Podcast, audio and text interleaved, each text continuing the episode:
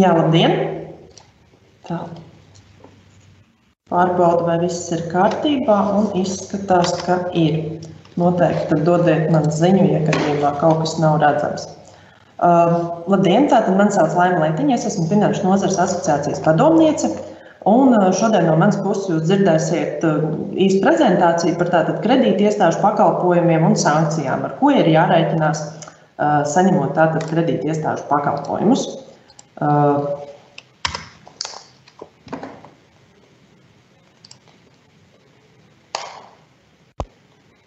tūlīt es atvainojos. Jā.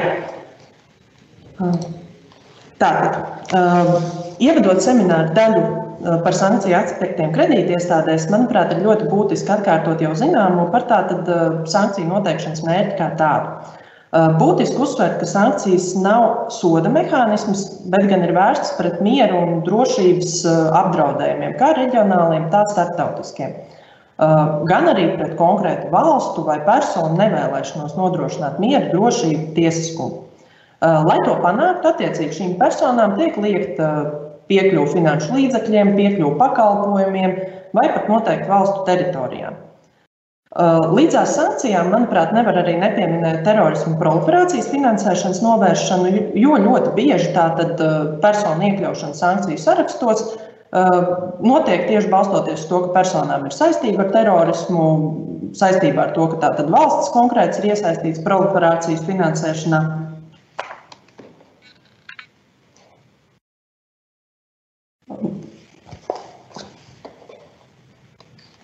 Vai tā tad attiecīgi kaut kādā veidā iesaistoties noteiktām personām proliferācijas finansēšanā, viņas ir nonākušas sankciju sarakstā. Sankcijas tādējādi palīdz kredītiestādēm vienlaikus pārvaldīt arī proliferācijas un terorismu finansēšanas riskus. Man pienāk ziņas, ka nav slaids redzams. Lūdzu, ierakstiet komentāros, ja gadījumā tā ir, jo man izskatās, ka šobrīd ir pieejami. Uh, jā, apstiprināt, ir tāda pieejama prezentācija, var turpināt. Uh, lūk, tā, līdz ar to runājot par sankcijām, uh, mēs pēc būtības runājam par tādu kā nākotnes situācijas stabilizāciju, par iespējams pasliktināšanās novēršanu, nevis par tātad personas sodīšanu par kaut kādu veidu pārkāpumiem. Sankciju obligātums. Edvīns jau pieskārās šim jautājumam savā prezentācijā, bet es atkārtošu vēlreiz. Tātad kredītiestādes primāri nodrošina finanšu ierobežojumu ievērošanu, iesaldējot sankcionētās personas finanšu līdzekļus un finanšu instrumentus, liedzot sankcionētāju personai pieeju finanšu līdzekļiem vai nesniedzot tātad sankcionētāju personai finanšu pakalpojumus kā tādus. Līdzās finanšu ierobežojumiem tiek sagaidīts, ka kredīti iestādes reaģēs arī uz cita veida sankcijām. Piemēram, rīkosies, ja darījumā, tātad, kurš tiks veikts izmantojot kredīti iestādes pakalpojumus, tiks pārkāpti civiltiesiskie ierobežojumi. Un līdz ar to kaut kā vēsturiski, diemžēl, ir pieņemts, ka sankcijas, sankciju ievērošana primāri nodrošina tikai kredītiestādes. Un, ja jau darījums ir noticis izmantojot kredītiestādes pakalpojumus, tad visam vajadzētu būt kārtībā. Taču Kā jau tika norādīts, un kā ir arī sankciju likumā skaidri un gaiši minēts, starptautiskos un nacionālās sankciju ievērošana ir obligāta pilnīgi visām personām. Gan publiskajām personām, gan privātpersonām, un no tām tiek sagaidīts, ka tātad sankcijas tiek ievērotas um, un izpildītas. Līdz ar to visām personām, kurām pašām ir aktīvs pienākums ievērot noteiktās sankcijas, pēc būtības nevajadzētu, būt, uh, nevajadzētu uzskatīt, ka šo slogu var pārnest uz kredītiestādi. Personām pašām ir pienākums nodrošināt, ka to darbību ietvaros netiek pārkāptas noteiktās sankcijas, piemēram, ko ir ļoti būtiski uzsvērt, ja jūs darbojaties ar strateģiskās nozīmes preču apriti vai darbojaties jomā, kurā ir ļoti augsta šo sankciju risku ekspozīcija, eh, jums būtu jāievieš atbilstoši kontrols pasākumi, lai nodrošinātu, tātad, ka sankcijas tiek ievērotas. Eh, piemēram, nepārdodat preces personām, kurām ir noteiktas sankcijas, liedzat piekļuvi šīm personām noteikta veida precēm, kā arī nesat starpnieks šāda veida darījumiem. Um, atbildot uz jau iepriekš iesūtītajiem jautājumiem, jānorāda, ka, diemžēl, oficiāli pakalpojumu sniedzēju vai institūciju, kas sniegtu saistošu viedokli, uz kuru būtu tiesību uh, tālāk atsaukties, tādējādi pasargājot sevi no sankciju riskiem, nav.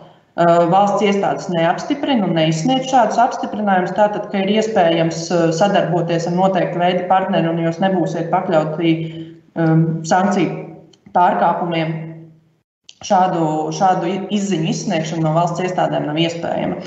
Katram pašam pēc būtības ir jāspēj pārvaldīt savu riski un partneri. Tas pats attiecas arī uz kredītiestādēm. Arī kredītiestādes šādas garantijas vēstules uh, nesaņem. Uh, vienlaikus ir atsevišķi izņēmumi saistībā ar Finanšu kapitāla tirgus komisijas atļaujām, kas saistīts ar pamatvajadzību nodrošināšanu, bet tie jau ir ļoti specifiski gadījumi. Uh, protams, vienlaikus ir virkne ārpakalpojumu pakalpojumu sniedzēji, kuri piedāvā tādas vai savādākas sistēmas, piedāvā arī iekšējo kontrolas sistēmu izstrādi, taču iesaku rūpīgi izvērtēt šos piedāvājumus, proti, vērtēt, vai tie atbilst jūsu riskiem. Pārkopēt iekšējās kontrolas sistēmas no viena uz otru risinājumu pēc būtības nav iespējams, jo katram šie riski tomēr ir individuāli. Un jums būtu jāsaprot, tā, tā, tieši kādas pārbaudas jums ir nepieciešams veikt, kādā līmenī, un vai tās ir atbilstošas jūsu riska, sankciju riska ekspozīcijai. Šādi mēs arī pēc būtības pieejam pārējiem uz tematu par sankcijām un riskos balstīto pieeju, kas ir pēdējā laikā ļoti plaši pieminēta kontekstā ar tātad noziedzīgi iegūt līdzekļu legalizācijas novēršanu. Saprotams, ka riska novērtējums, kā nodrošināt arī noziedzīgi iegūt līdzekļu legalizācijas novēršanu, tā sankcija kontrole pēc būtības ir pamats vispār efektīvas iekšējās kontrolas sistēmas ieviešanai, lai nodrošinātu adekvātu sankciju risku novēršanu. Taču jāņem vērā, ka sankciju riska novērtējums pēc būtības ir uh, nepieciešams, lai tāda atbilstoši savam darbības veidam, noskaidrot, novērtētu, izprastu, pārvaldītu tieši savai darbībai uh, piemītošo sankciju risku. Uh, svarīgi gan atzīmēt, ka sankciju novērtē, riska novērtējuma gadījumā nedarbojas tas pats princips, kas noziedzīgi iegūt līdzekļu legalizācijas novēršanas kontekstā, Proti, pārbaudas sankciju sarakstos nevar tikt veikt atbilstoši risku novērtējumu. Sankciju skrīnings ir jāveic jebkurā gadījumā obligāti, neatkarīgi no darījuma summas, klienta riska un tam līdzīgi. Ja persona ir sankcionēto personu sarakstā un attiecīgais pakalpojums saskaņā ar viņai piemēroto sankciju nedrīkst tikt sniegts, tad nedrīkst tikt sniegts. Tas ir neatkarīgi no attiecīgā riska līmeņa. Uh, turklāt būtiski norādīt, ka uzmanība jāpievērš uh, sankciju skrīningu ietvaros kredītiestādēm ne tikai maksājuma veicējiem, maksājuma saņēmējiem, bet arī maksājuma detaļām, kas var norādīt, piemēram, uz mēģinājumu apiet sankcijas kaut kādā noteikta uh, preču tirzniecības kontekstā vai sadarbībā ar noteiktām valstīm. Bet kā tā sankciju riska novērtējums, ko būtu ieteicams veikt jebkuram, kuram ir augsta sankciju riska ekspozīcija, tā galvenais uzdevums ir nodrošināt tātad pašu šī efektīva regulējuma piemērošanu atbilstoši riska profilam. Uh, un viennozīmīgi sankciju riska novērtējumi ir noderīgi ne tikai kredītiestādēm un citiem uh, noziedzīgi iegūt līdzekļu legalizācijas teroristu finansēšanas novēršanas likuma subjektiem, uh, bet arī uzņēmumiem, kuri tātad ir pakļauti lielai sankciju riska ekspozīcijai, piemēram, veids darījumus, ar sadarbības partneriem, kuri darbojas sankcionēto valstu kaimiņu valstīs, darbojas strateģiski nozīmīgo preču tirzniecībā, kas ir specifiski pat atsevišķu sankciju veids, un jebkuros citos paaugstinātos sankciju riska gadījumos. Nepieskarieties vairs pēc būtības visiem sankciju veidiem, ar kuriem jūs jau izsmeļoši iepazīstināt. Edvīns pavisam īsi paskaidrošu par ASV OFAC sankciju piemērošanas niansēm kredītiestādēs. Kāpēc tā tad iepriekš bija norāde par šo tieši piemērojumu, tiešo piemērojumību attiecībā uz ASV OPAC sankcijās tieši, tieši kredītiestādēm un publiskajos iepirkumos, publiskajā privātajā partnerībā.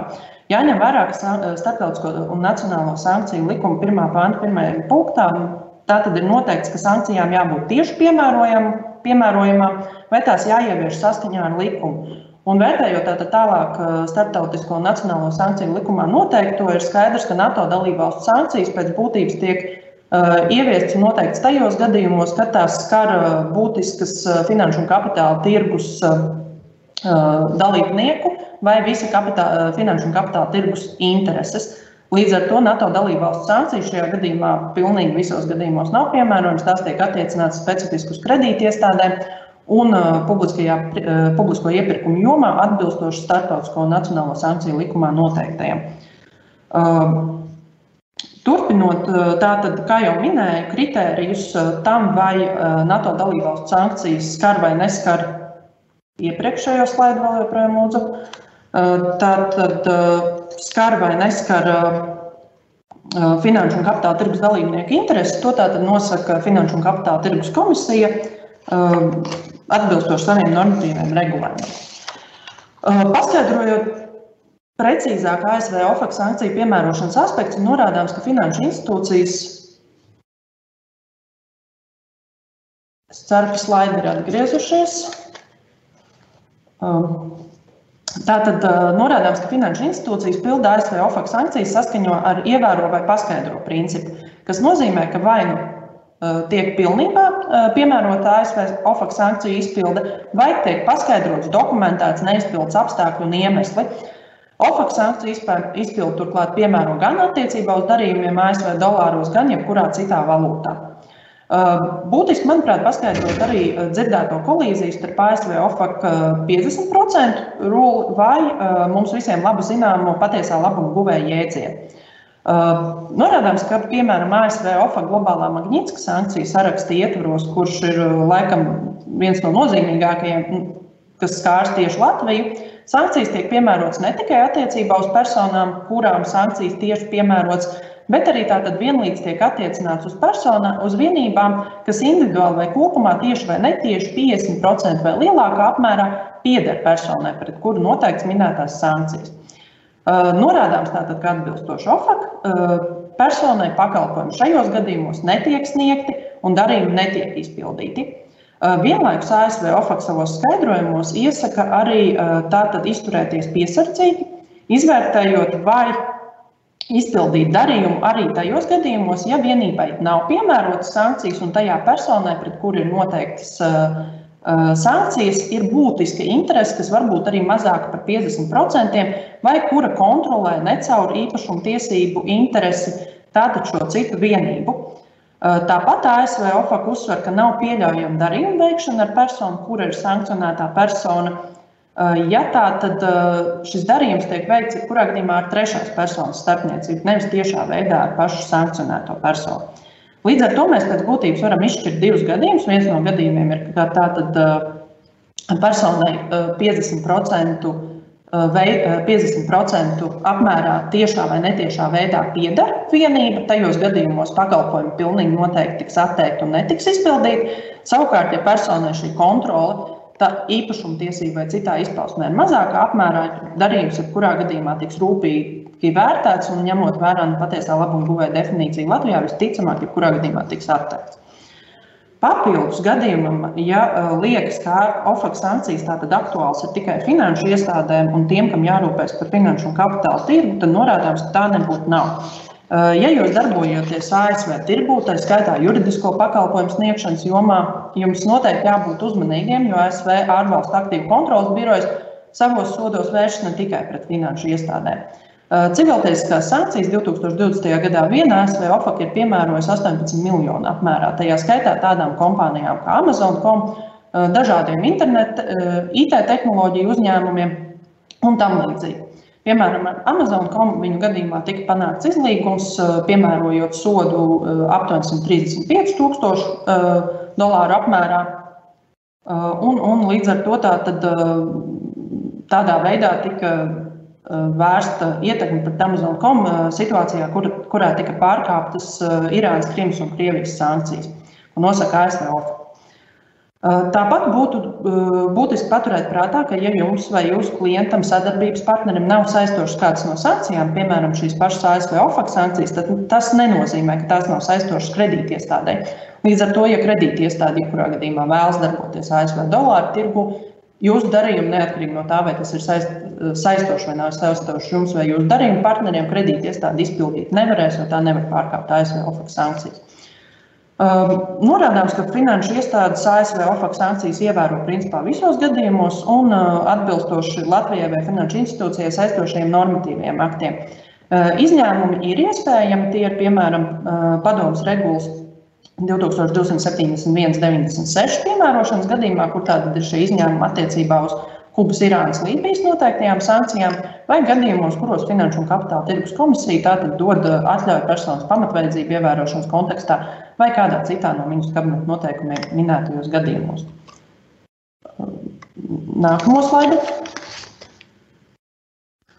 Kas tad tātad šobrīd sniedzot finanšu pakalpojumus, mēs pamatā saskaramies ar trīs elementiem, kas būtiski ietekmē klientu apmierinātību. Tās ir izmaksas, ilgums un komunikācija. Pirmkārt, vēlos atgādināt, ka sankciju ievērošanas obligātums un veicamos pasākums pasākumu ievērošanai nosaka normatīvie akti. Finanšu iestādes izpildot šīs prasības nenodarbojas ar patvaļu, bet gan izpildu likumā noteikto.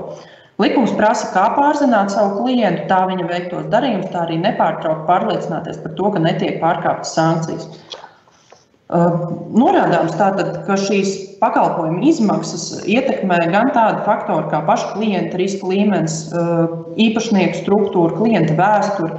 Atbilstoši tam arī kredīti iestādē tiek pakārtotas veicamās pārbaudas, to biežums, kurš, saprotams, rada izmaksas. Tāpat būtiski ir arī darījuma struktūra un sarežģītība. Jo darījums ir sarežģītāks, jo dārgāks var būt arī pakalpojums. Ja darījumā ir iesaistīts vēl kāds augsta riska valstis, ir jārēķinās ar to, ka tas viennozīmīgi var būt arī ilgāks process darījuma izpildē. Tāpat saņemšanas ātrumu ietekmē arī izvēlētā darījuma struktūra, sadarbības partneri, kas ir iesaistīti darījumā, un kas ir ļoti būtiski, tā tad arī informācijas pieejamība. Jo mazāk informācijas ir pieejams jau tātad kredīti iestādē pašā sākumā, jo ilgāk pakalpojumu sniegšana, ilgāk notiek pakalpojumu sniegšana. Līdz ar to, ja tiek plānots kāds liela apjoma darījums, kurā zinat, ka ir iesaistīta kāda blakus sankcionētai valstī esoša valsts vai tam līdzīgi, ieteicam šos riskus jau laicīgi izvērtēt un paredzēt ilgāku procesu norisi veicot darījumu apmaksu.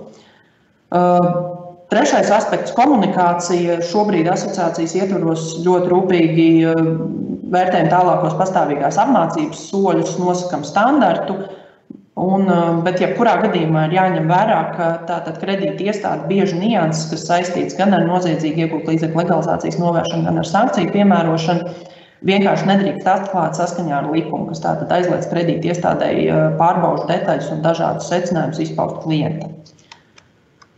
Um, nākamais slaids. Ko tad mēs uh, kopīgi varam paveikt uh, finanšu pakalpojumu pie, pieejamības veicināšanai, tā skaitā sankciju riska ierobežošanas kontekstā. Uh, pirmkārt, būtu sagaidāms, ka sankciju riskus būtu iespējams pārvaldīt kopā ar klientiem. Uh, kā jau norādīja prezentācijas sākumā, tātad sankcijas ir pienākums ievērot tik vienai personai. Protams, ka šīs pieliekamās pūles ir, būtu salāgojums ar katra paša uzņēmuma personas risku. Taču, ja jūs darbojaties biznesā, kurās kurā ir augsta sankciju riska ekspozīcija, sadarbojoties ar valstīm, kas atrodas kaimiņos sankcionētām valstīm. Sankciju riska pārvaldībai vajadzētu būt uzņēmuma atbilstības kultūras sastāvdaļai pēc savas būtības. Tāpat sagaidām, ka uzņēmums spēj izskaidrot savus darījumus, darījumu ķēdēm ir kaut kāds loģisks ekonomiskais pamatojums, un, ja ir izvēlēta sarežģīta darījuma struktūra, iesaistot virkni starpnieku un dažādu jurisdikciju, klients izprot iemeslus, kāpēc tāda ir izvēlēta. Protams, tam ir kaut kāda noteikta veida, normāla biznesa vidē izskaidrojuma apstākļi. Uh, kopumā gan ieteiktu no savas puses pēc būtības, ja nav vajadzības ar uh, sarežģītu struktūru veidošanu, neaizrauties, jo tas vienkārši nav izdevīgi no izmaksu viedokļa. Eh, noteikti būtu vēlams arī pārzināt savus lielākos sadarbības partnerus. Un ne tikai tāpēc, ka jāievēro sankcijas vai jāizpatīk eh, bankai attiecībā uz bankas prasību izpildi, bet arī tāpēc, ka savu partneru nezināšana jebkurā gadījumā var eh, slikti beigties arī veicot biznesu kā tādu. Un papildus vairāk kontekstā tieši ar noziedzīgu iegūtu līdzekļu legalizācijas novēršanu būtu ieteicams arī pašiem neveidot sarežģītu uh, ekonomiski nepamatotu, neizprotamu pašu īpašnieku struktūru, kā arī spēt jēgpilnīgi pamatot savu labklājības un līdzekļu izcelsmi. Mēs runājam tieši tādu par noteiktu veidu uh, lielām summām. Uh, atsevišķos gadījumos sašutumu par uh, paskaidrojumu nepieciešamību viņš ir saprotams, taču nebūs īsti loģiski un ticama situācija, kurā persona, piemēram, nespēja izskaidrot pusmiljonu skaidrā naudā izcelsmi. Es domāju, mēs visi saprotam, šādās situācijās paskaidrojumi ar atradu skapī nederēs. Kopumā aicinām būt saprotošiem, saprast, ka prasība ieviešana ir bijusi ļoti, ļoti strauja un krasa arī pašām kredītiestādēm. Un šobrīd gan finanšu iestādes, gan mūsu uzraugs un citi iesaistītie aktīvi strādā pie jau manas minētās riskos balstītās pieejas nostiprināšanas gan regulatīvajos noteikumos, gan ikdienas praksē. Sagaidām, ka jau drīzumā tātad varēsim sagaidīt, ka katra konkrētā klienta riskam būs daudz piemērotākas prasības, izpētes biežums un sadarbība kopumā būs veiksmīgāka. Noslēgumā nākamo slaidu lūdzu. Vēlos vien vērst jūsu uzmanību uz trim šī brīža aktualitātēm. Viena no tām ir Finanšu un Kapitāla tirgus komisijas nesenais skaidrojums par pamatkontu pakalpojumu, kur tā tad ir arī paskaidrots, vai sankcionētajām personām ir tiesības uz pamatkontu. Uh, Tāpat interesants ir nesen publicētais Eiropas komisijas viedoklis par padomus regulu 269, 2014. otro pantu, kas izvirza ambīciju nacionālajām kompetentajām iestādēm spēt tātad sniegt viedokli par personas atrašanos sankcionētas personas kontrolē. Joprojām ir diezgan neskaidrs, gan kas ir šī nacionālā kompetentā institūcija un viedokļu dalībvalstu starpā tiešām atšķirs, taču vismaz mēs no savas puses ceram, ka jau drīzumā skaidrojums šim Eiropas komisijas viedoklim tiks rasts. Un tāpat uh, notikuma eskalācijas Baltkrievijā kontekstā aicina aktīvi sekot līdzi izmaiņām sankcijās, kas tiek noteikts arī attiecībā uz Baltkrievijas uh, amatpersonām, ņemot vērā, ka tā tad uh, Latvijā šī riska ekspozīcija var būt diezgan liela. Finanšu izlūkošanas dienests ir solījis jau tuvākajā laikā sniegt risku novērtējumu kontekstā ar pašreizējo situāciju, Taču nu, domāju, ka nevienam nav ilūzija, ka situācijai viennozīmīgi būs liela ietekme Latvijā, tajā skaitā attiecībā uz finanšu pakalpojumiem. Uh, šobrīd uh, no manis tas arī viss. Ātri paskatīšos, vai kaut ko varu piedāvāt atbildēs uz jautājumiem.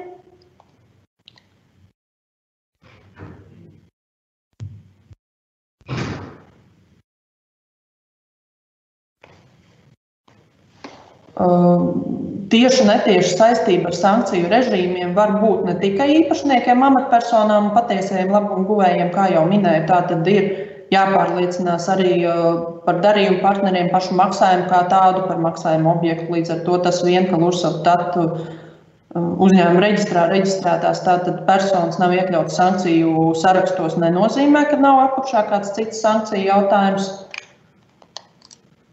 Tā. Lai varbūt varētu atbildēt jautājumu, kurš ir trešais no augšas, kas var sniegt Eiropas Savienības regulās un lēmumos par sankciju piemērošanu, sniegt to normu interpretāciju. Es mēģināšu atbildēt. Manuprāt, atbilstošākais viedoklis par šo viennozīmīgi varētu būt no ārlietu ministrijas. Ja runājam par tādiem oficiāliem skaidrojumiem, bet lūdzu ņemt vērā, ka, kā jau es minēju prezentācijas gaitā, ārlietu ministrija arī nevar sniegt viedokli par konkrētu situāciju. Šeit, ja mēs runājam par interpretāciju, šādu viedokli droši vien būs iespējams saņemt. Bet tātad, ja uzdosiet jautājumu par konkrētu situāciju, vai šajā gadījumā tā ir vai nav finansējuma saņemšana citā veidā, nu, visticamāk, ka neviena no valsts iestādēm arī attiecībā uz mūsu kredītiestāžu pakalpojumiem nevarēs šāda veida atbalstu sniegt. Kopumā runājot, nodrošināt finansējumu citādā veidā, no atbilstoši praksē, jo finansējuma nodrošināšana citā, citā veidā ir pilnīgi jebkāds veids, kas kā rezultātā sankcijas subjekts piekļūst finanšu līdzekļiem. Tas tur nav ierobežojumi attiecībā uz praktiskajām darbībām.